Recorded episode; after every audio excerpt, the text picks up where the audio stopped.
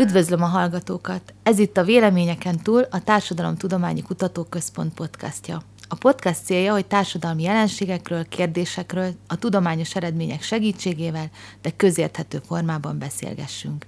Én Csurgó Bernadett vagyok, a Szociológiai Intézet kutatója. Mai beszélgetőtársam Szabó Gabriella, a Politika Tudományi Intézet politikai viselkedés osztály tudományos műmunkatársa. Fő kutatási területei politikai kommunikáció, médiakutatások, expresszivitás és kommunikáció. Szia, Gabi! Szia, köszönet a meghívásért! A beszélgetésünk fő apropóját az adja, hogy most jelent meg egy szerkesztett köteted, az érzelmek és járványpolitizálás, politikai érzelemmenedzserek és érzelemszabályozási ajánlataik Magyarországon a COVID-19 pandémia idején című e-book, ami a TK és az ELTE ötvös kiadó gondozásában jelent meg, és most ennek kapcsán szeretnék veled egy kicsit beszélgetni a kutatási kérdéseidről, a kutatási témáidról, eredményeidről. Kezdjük a politikai kommunikációval. Laikusként is úgy látom, hogy ez a tudományterület a kommunikációs technológiákkal párhuzamosan változik, fejlődik, alakul, de tulajdonképpen mit is jelent az, hogy politikai kommunikáció, és mit és hogyan kell lehet ebben a témában vizsgálni ma például Magyarországon? Igen, ez valóban így van, nagyon sokat változik ez a tudományterület, talán az egyik leginnovatívabb része a politikának a kommunikáció, de azért a politikai kommunikáció kutatások nem csak eszközhasználattal foglalkoznak, különböző logikákkal és szereplőknek a megnyilatkozásait is megpróbálják szisztematikusan feltérképezni. Most mondanám, hogy akkor válasszuk külön, hogy mi a politika, meg mi az, hogy kommunikáció, de azt hiszem, hogy akkor erre még három podcastot rá kéne szánni, úgyhogy ez nem lenne szerencsés.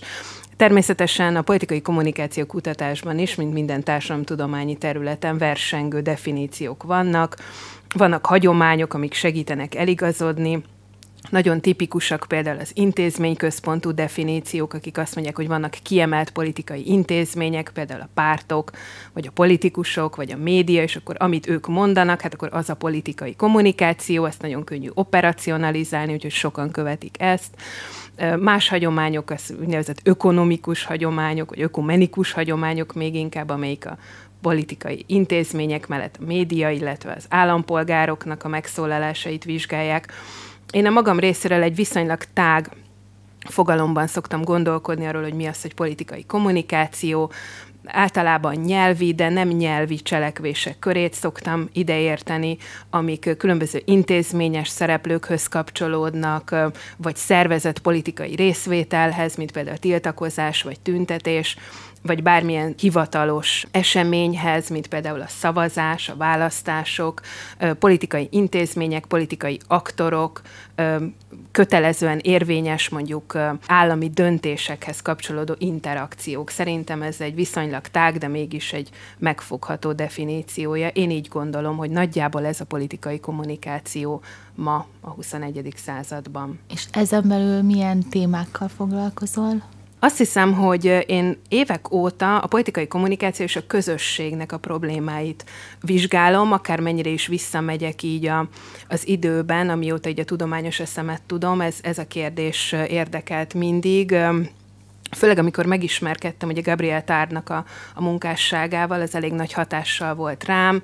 Ugye Dürkheimnek volt egy kortársa, volt egy komoly vitájuk arra, hogy mi tartja össze a társadalmat, és akkor Tárd volt az, aki amellett érvelt, hogy hát az interakciók tartják össze a, a társadalmat, az entitások közötti kontaktusok, és én azt hiszem, hogy mindig ezeket az összetartó, meg szétválasztó mechanizmusokat kerestem, amik a politikai kommunikáció segítségével elég jól kitapinthatóak, és főként ilyen konfliktusos, vitás helyzetekben mutatkoznak meg. Úgyhogy én mindig a kommunikációnak ezt a közösség teremtésben játszott szerepét vizsgáltam, de ehhez azt fel kell tételezni, hogy a kommunikációnak nem csak a az információk adásvételében van funkciója, a kommunikációnak más funkciói is vannak, ugye nyelvészek ezt jól tudják, hogy van fatikus funkció, ami például a két szereplő közti kontaktust tartja föl, ugye ezek a small talkok, tipikusan ilyenek, és hát van még ez úgynevezett expresszív funkció is, ami a megszólalónak a saját személyes, szubjektív benyomásait, az adott tárgyhoz való hozzáállását próbálják kifejezni, és most utóbbi időben erre koncentrálok, erre az expresszív funkcióra. Noha azért ezek nem zárhatók el egymástól, tehát nem úgy néz ki, hogy egy megszólalás az csak ilyen vagy olyan, általában ezek keverednek, a fatikus az információ átadását vétellel, és így tovább, és ezeket érdekes számomra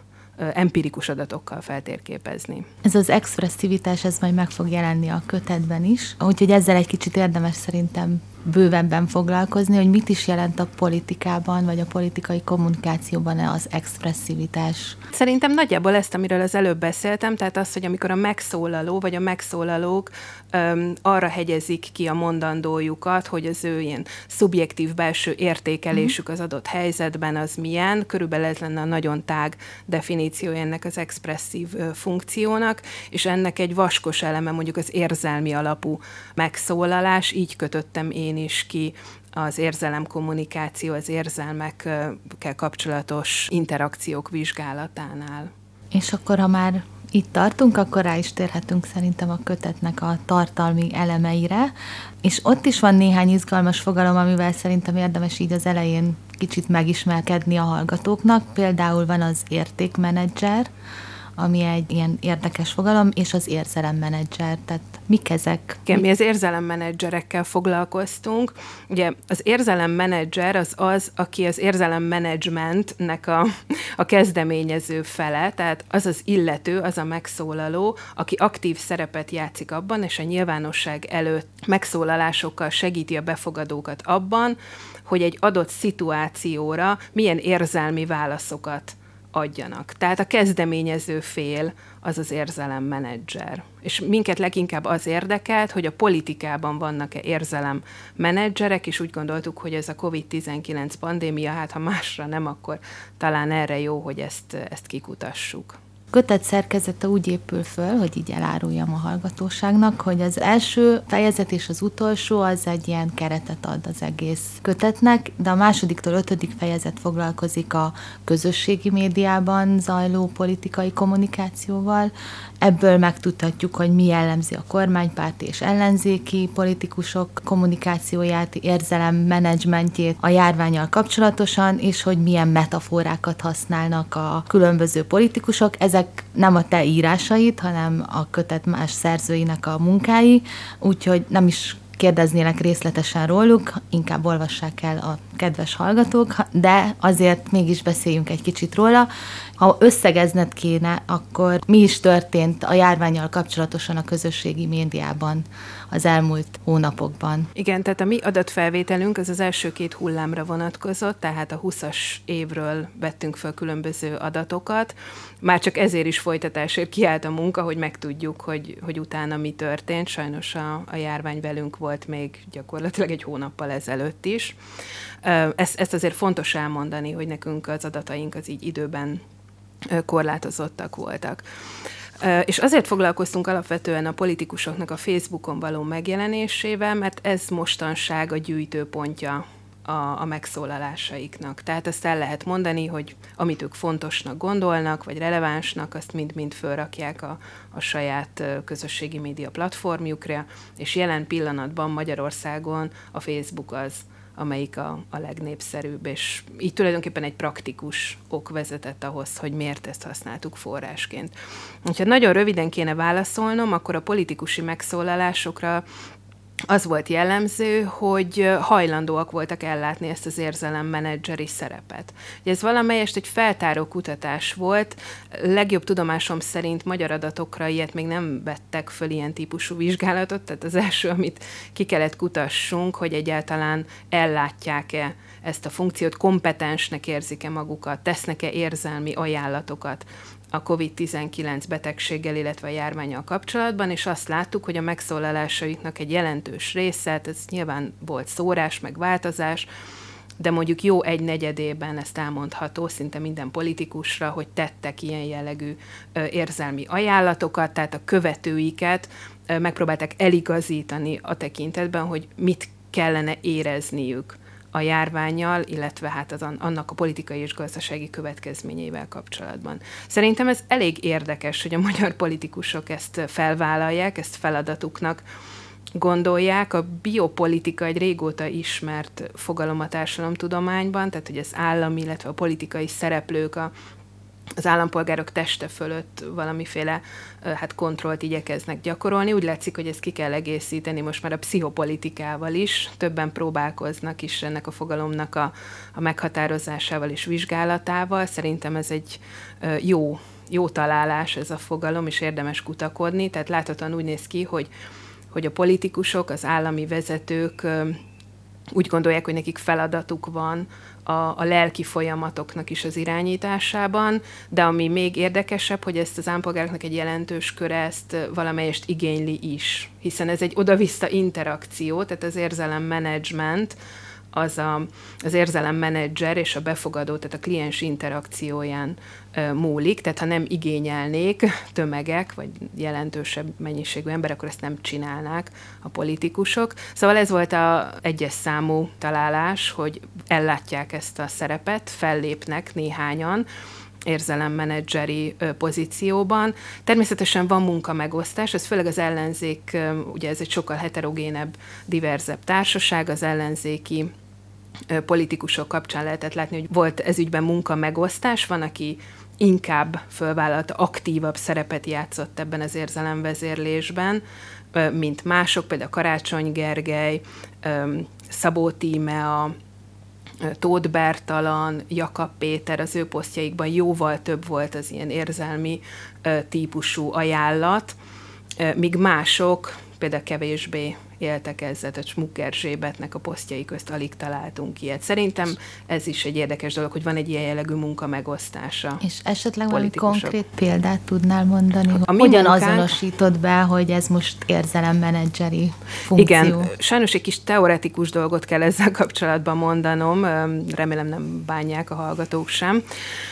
Mi James Gross érzelem, érzelem szabályozás irodalmából indultunk ki. Gross egy pszichológus, és évtizedek óta különböző kollégáival foglalkozik azzal a kapcsolatos vizsgálatokkal, hogy hogyan is szabályozzuk egymás érzelmeit.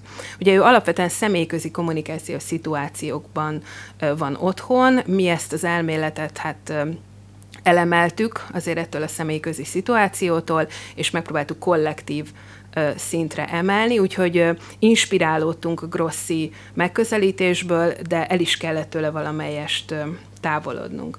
És Gross és kollégái meghatároznak bizonyos fázisokat, hogy hogyan is történik az érzelem szabályozás. Van neki öt fázisa, ha érdekes, majd belemegyünk, hanem akkor irányítom a kedves hallgatókat a, a kötethez, és annak az utolsó két fázisa, az a, a kognitív értékelés, vagy kognitív változás, illetve az érzelem moduláció. Ezek azt jelentik, az első a kognitív értékelés, az azt jelenti, hogy a megszólaló az hogyan értékeli az adott helyzetet érzelmi szempontból, a másik pedig azt jelenti, hogy ha már van egyfajta érzelmi szempont, akkor azt hogyan szeretné átalakítani lehetőség szerint egy másik érzelemre. És mi ezt a két aspektusát tudtuk vizsgálni az érzelemmenedzsmentnek, például úgy, hogy feltételeztük, hogy a politikusok, mint közösségi vezetők, ezért csak azzal, hogy ők maguk kifejezik, hogy mit éreznek egy adott szituációval kapcsolatban, milyen érzelmi válaszok alakítanak ki, mert ezzel is példát mutatnak a követőik számára, és nagyon gyakran fel is szólítottak a politikusok arra, hogy így vagy úgy érezzen, akár más politikus társa, vagy akár a, a követői. Tehát amikor arról beszéltek, hogy felháborítónak tartanak bizonyos jelenségeket, akkor mi ezt a felháborodás érzését érzéseként azonosítottuk. Ugye a Warren Houtennek van egy nagyon érdekes érzelemklasszifikációs megoldása, felháborodás az két érzelemnek az összetevője, a meglepettségnek és a haragnak És így tudtuk ezeket végül is hát lebontani, operacionalizálni, és megvizsgálni ezeket a megszólalásokat. Amikor pedig kifejezetten azt mondták, hogy ne legyetek derülátóak, vagy ne legyetek borulátóak, mert még ez vagy az történni fog, az pedig egy ilyen érzelmi válasz moduláció, tehát bizonyos érzelmektől megpróbálták eltéríteni a hallgatókat. Szóval körülbelül ezek mentén alakítottuk ki az operacionalizási keretet. Akkor a kötet második felével is foglalkozunk egy kicsit, ami pedig már eltávolodik a közösségi médiától és a klasszikusabb médiumok felé, az online újságok világába kalózolja az olvasót, és itt ugye már több tanulmányban is szerzőként feltűnsz, tehát hogy úgy tűnik, hogy ez a te fő területed, de mielőtt még így a részletekben vagy egy tanulmányról mindenképpen szeretnélek kérdezni, így általánosabban, hogy hogyan is tálalta a, magyar online újságírás, az online média a koronavírus járvány, tehát milyen érzelmek jelennek meg, mit tudhatunk meg ezekből az elemzésekből a 2020-as esztendőre vonatkozóan? Igen, hát az adataink azt mutatják, hogy nagyon sokféle érzelmi ajánlatot tettek a médiumok. Ugye a médiumok egy külön érdekes helyzetben vannak, mert ők egyszerre közvetítik mondjuk másoknak a, az érzéseit, vagy másoknak az érzelmi válaszait, ugye például politikusoknak, vagy más megszólalóknak, illetve hát maguk az újságírók is egyre inkább világossá teszik, hogy ők mit gondolnak, vagy ők milyen affektív válaszokkal reagálnak bizonyos helyzetekre. Tehát egyszer tehát ez egy nagyon specifikus érzelemmenedzsment, amit a, amit a médiában láthatunk. Nos, ahogy említettem, nagyon változatosan tálalták, nagyon sokféle érzelem jelent meg. Azt hiszem, hogy az aggodalom volt a, a legjellegzetesebb. Érdekes volt, hogy kifejezetten az első hullám elején, tehát a márciusi adatokban láttunk nagyon sok érzelmi ajánlatot, tehát ez végül is beigazolja azt a tudományos megállapítás, hogy az első reakciók azok az érzelmesek, és akkor utána ez kezdett szépen visszaszorulni. Nyilván, ahogy ö, októberben, novemberben újra emelkedtek a számok, úgy megint egy kicsit emelkedtek ezek az érzelmi típusú válaszadások, az érzelem menedzsment intenzívebb lett, de nem annyira, mint amennyire mondjuk a halálesetek ezt indokolták volna. Tehát egyértelmű, hogy az első reakciók voltak sokkal érzelmesebbek. Az aggodalom mellett számtalan más érzelem jelen volt. Hadd mondjak egy különbséget, például mondjuk a kormánypárti meg a kormánykritikus médiumok között. A kormánypárti médiumoknál sokkal erőteljesebb volt a meglepettség kommunikálása, ott egyértelműen a, a váratlanság, a meglepő fordulatok, de legfőképpen tényleg azt hiszem a helyzet váratlanságára helyezték a hangsúlyt, még mondjuk a kormánykritikus médiumok esetében sokkal nagyobb terepet kapott a felháborodottság, a harag, a csalódottság érzése is. Ugye emlékezhetünk az első hullámban a különböző intézkedések miatt sok tevékenység elmaradt, szalagavatók, ballagások, és akkor ennek hangot is adtak a különböző megszólalók. Tehát ez volt például egy nagy különbség, de egyébként olyan őrült nagy különbség nem volt a kormánykritikus és a kormánypárti média között. Egyedül talán ez a meglepettség és váratlanság ez jellemezte inkább a, a kormány kritikus médiát, az pedig, hogy folyamatosan csökkent az érzelmi válaszoknak a száma, ez mindkettőjüket meghatározta. Tehát nem volt összefüggés a, a halálesetek meg a fertőzések növekedés és az érzelmi válaszok között. Egy kicsit még a módszertanról is mesél, mert az egyik tanulmányod, amelyben a hírportálokat hasonlítod össze egymással, és annak nagyon érdekes a módszertana is. Arról is mesél, hogy hogyan zajlik egy ilyen felmérés tulajdonképpen csináltunk egy kódkönyvet, ahol megpróbáltuk operacionalizálni a különböző érzelmeknek a lehetséges kifejezési módját, azon túl, hogy vannak ilyen direkt megszólalások, tehát az ó, de boldog vagyok, meg jaj, de szomorú vagyok, ezen kívül még többféle módon lehet kifejezni azt, hogy hogy mit is érzek, illetve milyen érzelemre lehet rábírni másokat. A metaforák ez ügyben eléggé eligazítóak, de nem csak ez a metaforikus megszólalás, hanem bármi más egyéb verbális jelek lehetnek. Ez egy elég hosszas folyamat volt, amíg itt néhány kollégával nyelvészeti, meg pszichológiai, meg egyéb más kommunikációs anyagokat összeszedtünk, és akkor megszületett ez a kód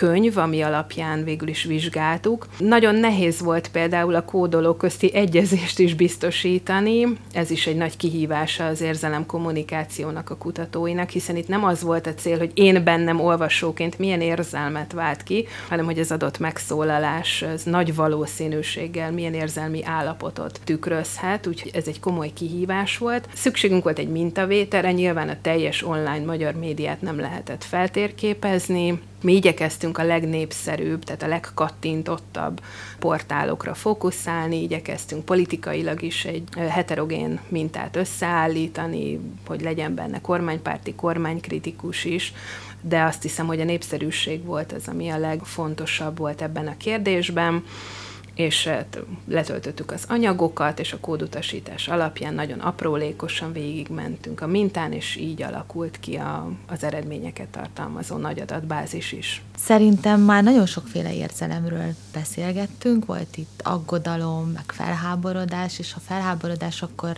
mindenképpen akartam arról beszélni, hogy egy kicsit a felháborodáshoz kapcsolódó modortalanság, trágárság is megjelenik ezekben a megszólalásokban is, meg valahol azért talán még a médiumok szintjén is.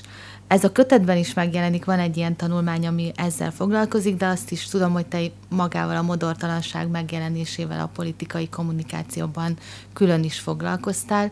Úgyhogy erről mesélj egy kicsit tágabban is, meg kapcsolhatod a járványhoz is, hogyha úgy kényelmesebb, de hogy szerintem ez egy iszonyúan izgalmas téma, hogy hogyan jelenik meg a modortalanság vagy trágárság a politikai kommunikációban. Mindenképpen szeretünk volna egy olyan kutatást, ez a COVID vizsgálathoz kötve, ami az állampolgári megszólalásokról ad valamiféle tájékoztatást. Ezt nem könnyű kutatni, az állampolgároknak a megszólalását, főleg úgy, hogyha nem beavatkozós módszerrel szeretnénk vizsgálni, de hál' Istennek a fórumok azok lehetőséget adnak erre némi megszorítással, tehát ugye mindannyian tudjuk, hogy a fórumok is valamelyest manipuláltak, nem mindenki vesz részt kommentekben, ugye mindenki azt szoktam mondani, hogy hát én soha nem kommentelek, tehát ki az a sok ember, aki, aki kommentel, de azért mégis bízzunk benne, hogy ebből valamiféle képet lehet, legalábbis arról a kommentkultúráról kapni.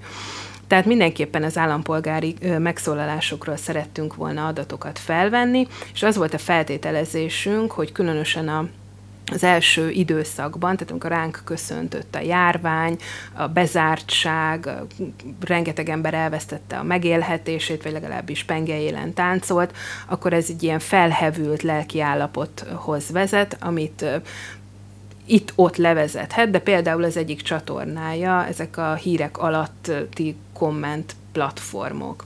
És a feltételezésünk az volt, hogy valószínűleg meg fog emelkedni ezeknek a száma. Ez sem könnyű kutatni, mert természetesen van moderálás, mi alapvetően arra fókuszáltunk, és hát köszönet a szerzőknek, akik ez ügyben élen jártak, hogy a, a gyalászkodást, a, a trágárságot és az egyéb ilyen káromkodást, tehát ez az igazi kőkemény vulgáris megszólalásokat vizsgáltuk, és azt találták, hogy hát igazából azért olyan őrült mód nem emelkedett meg ezeknek a száma, és ahogyan emelkedtek a második hullámban az esetek, annyival nem emelkedett a, a trágár megszólalásoknak a száma, és hát valószínűleg a politikának van egy ilyen trágárság ösztönző hatása, tehát a politikai hírek, vagy a politikai tartalmú hírek, ha emlékeznek a hallgatók, akkor itt a vakcinákkal kapcsolatban különböző keleti, nyugati, ilyen típusú vakcinák is előbb-utóbb a diskurzus részét képezték, ott szabadult el azért leginkább a pokol, tehát tehát elmondható nagy általánosságban, hogy minél inkább politikai egy téma, annál inkább vonza ezeket a, ezeket a megszólalásokat.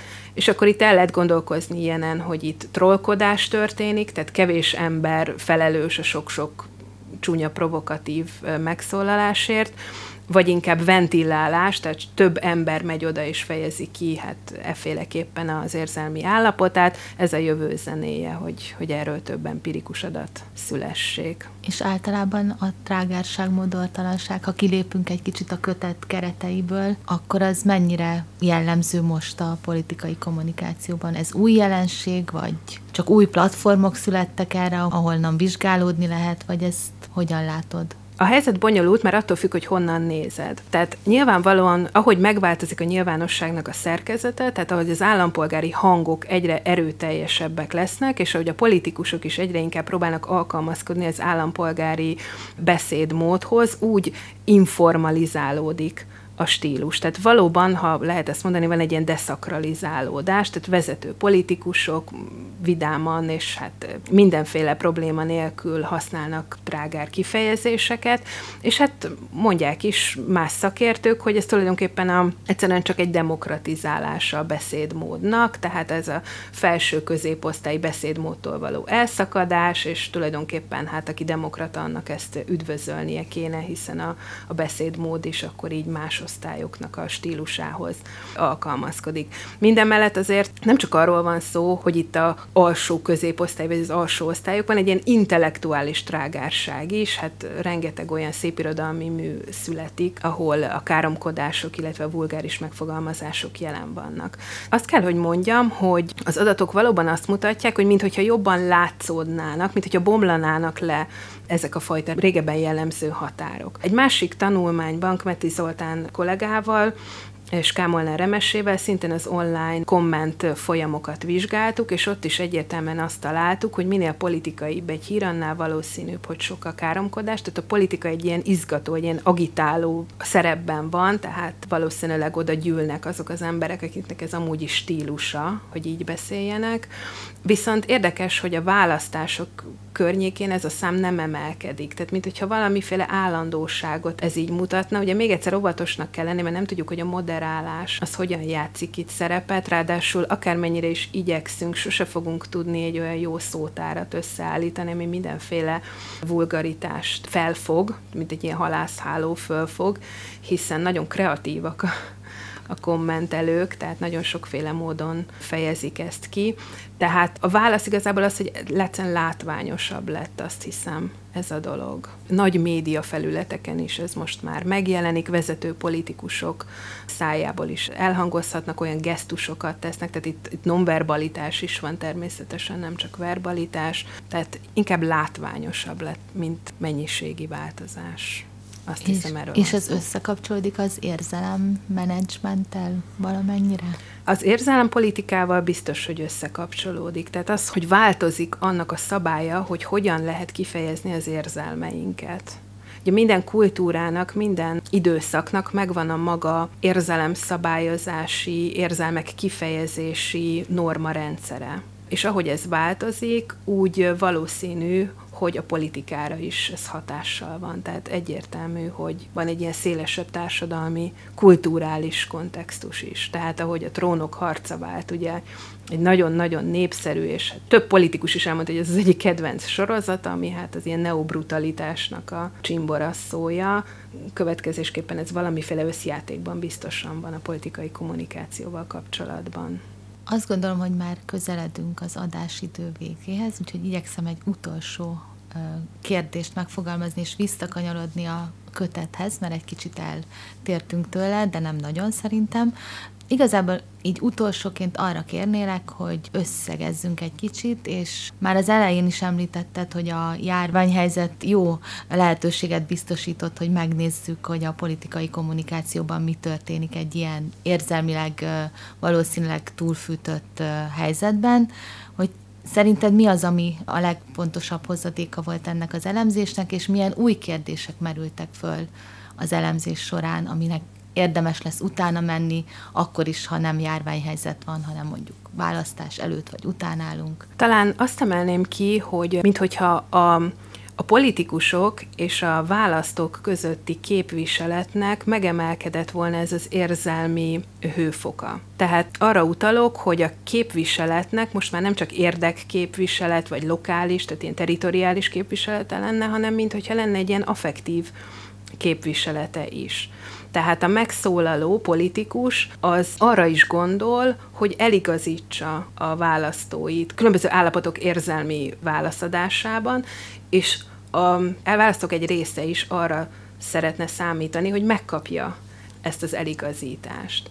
Tehát a képviselet, már megint az interakció rész itt a fontos, hogy anélkül nincs érzelem, hogy ezt valaki meg ne teremtené, de mégis számítania kell, hogy a befogadók azok olyan mennyire fogékonyak annak a bizonyos érzelemnek a, a megélésére. Tehát még egyszer, ez nem kizárólagos, tehát nem azt mondom, hogy az érdekeknek akkor innentől kezdve semmilyen szerepe nem lesz, csak lesz egy ilyen aspektusa, és valószínűleg a sikeres politikus az tud olyan húrokon is játszani, hogy ez az érzelem képviselet is része legyen az ő munkájának. Talán ez az egyik, egyik nagy-nagy hozadéka, és akkor ebből ki lehet indulni további kutatásokra, hogy akkor ennek az érzelemképviseletnek milyen megjelenési formái vannak, ki az, aki aktívabb benne, ki az, aki kevésbé, és hogy valóban ez végül szavazatokra fordítható-e. Ez a nagy kérdés, azt hiszem, a politikatudományban. Azt gondolom, hogy az elmondottak alapján már eléggé kedvet csináltunk a kötet elolvasására, legalábbis bízom benne, hogy kedvet csináltunk, úgyhogy mindenkit biztatnék, hogy olvassa ezt a könnyen elérhető, hiszen online kötetről van szó. Köszönöm Szabó Gabriálának a beszélgetést, ez volt a Véleményeken túl, a Társadalomtudományi Kutatóközpont podcastja. Köszönöm.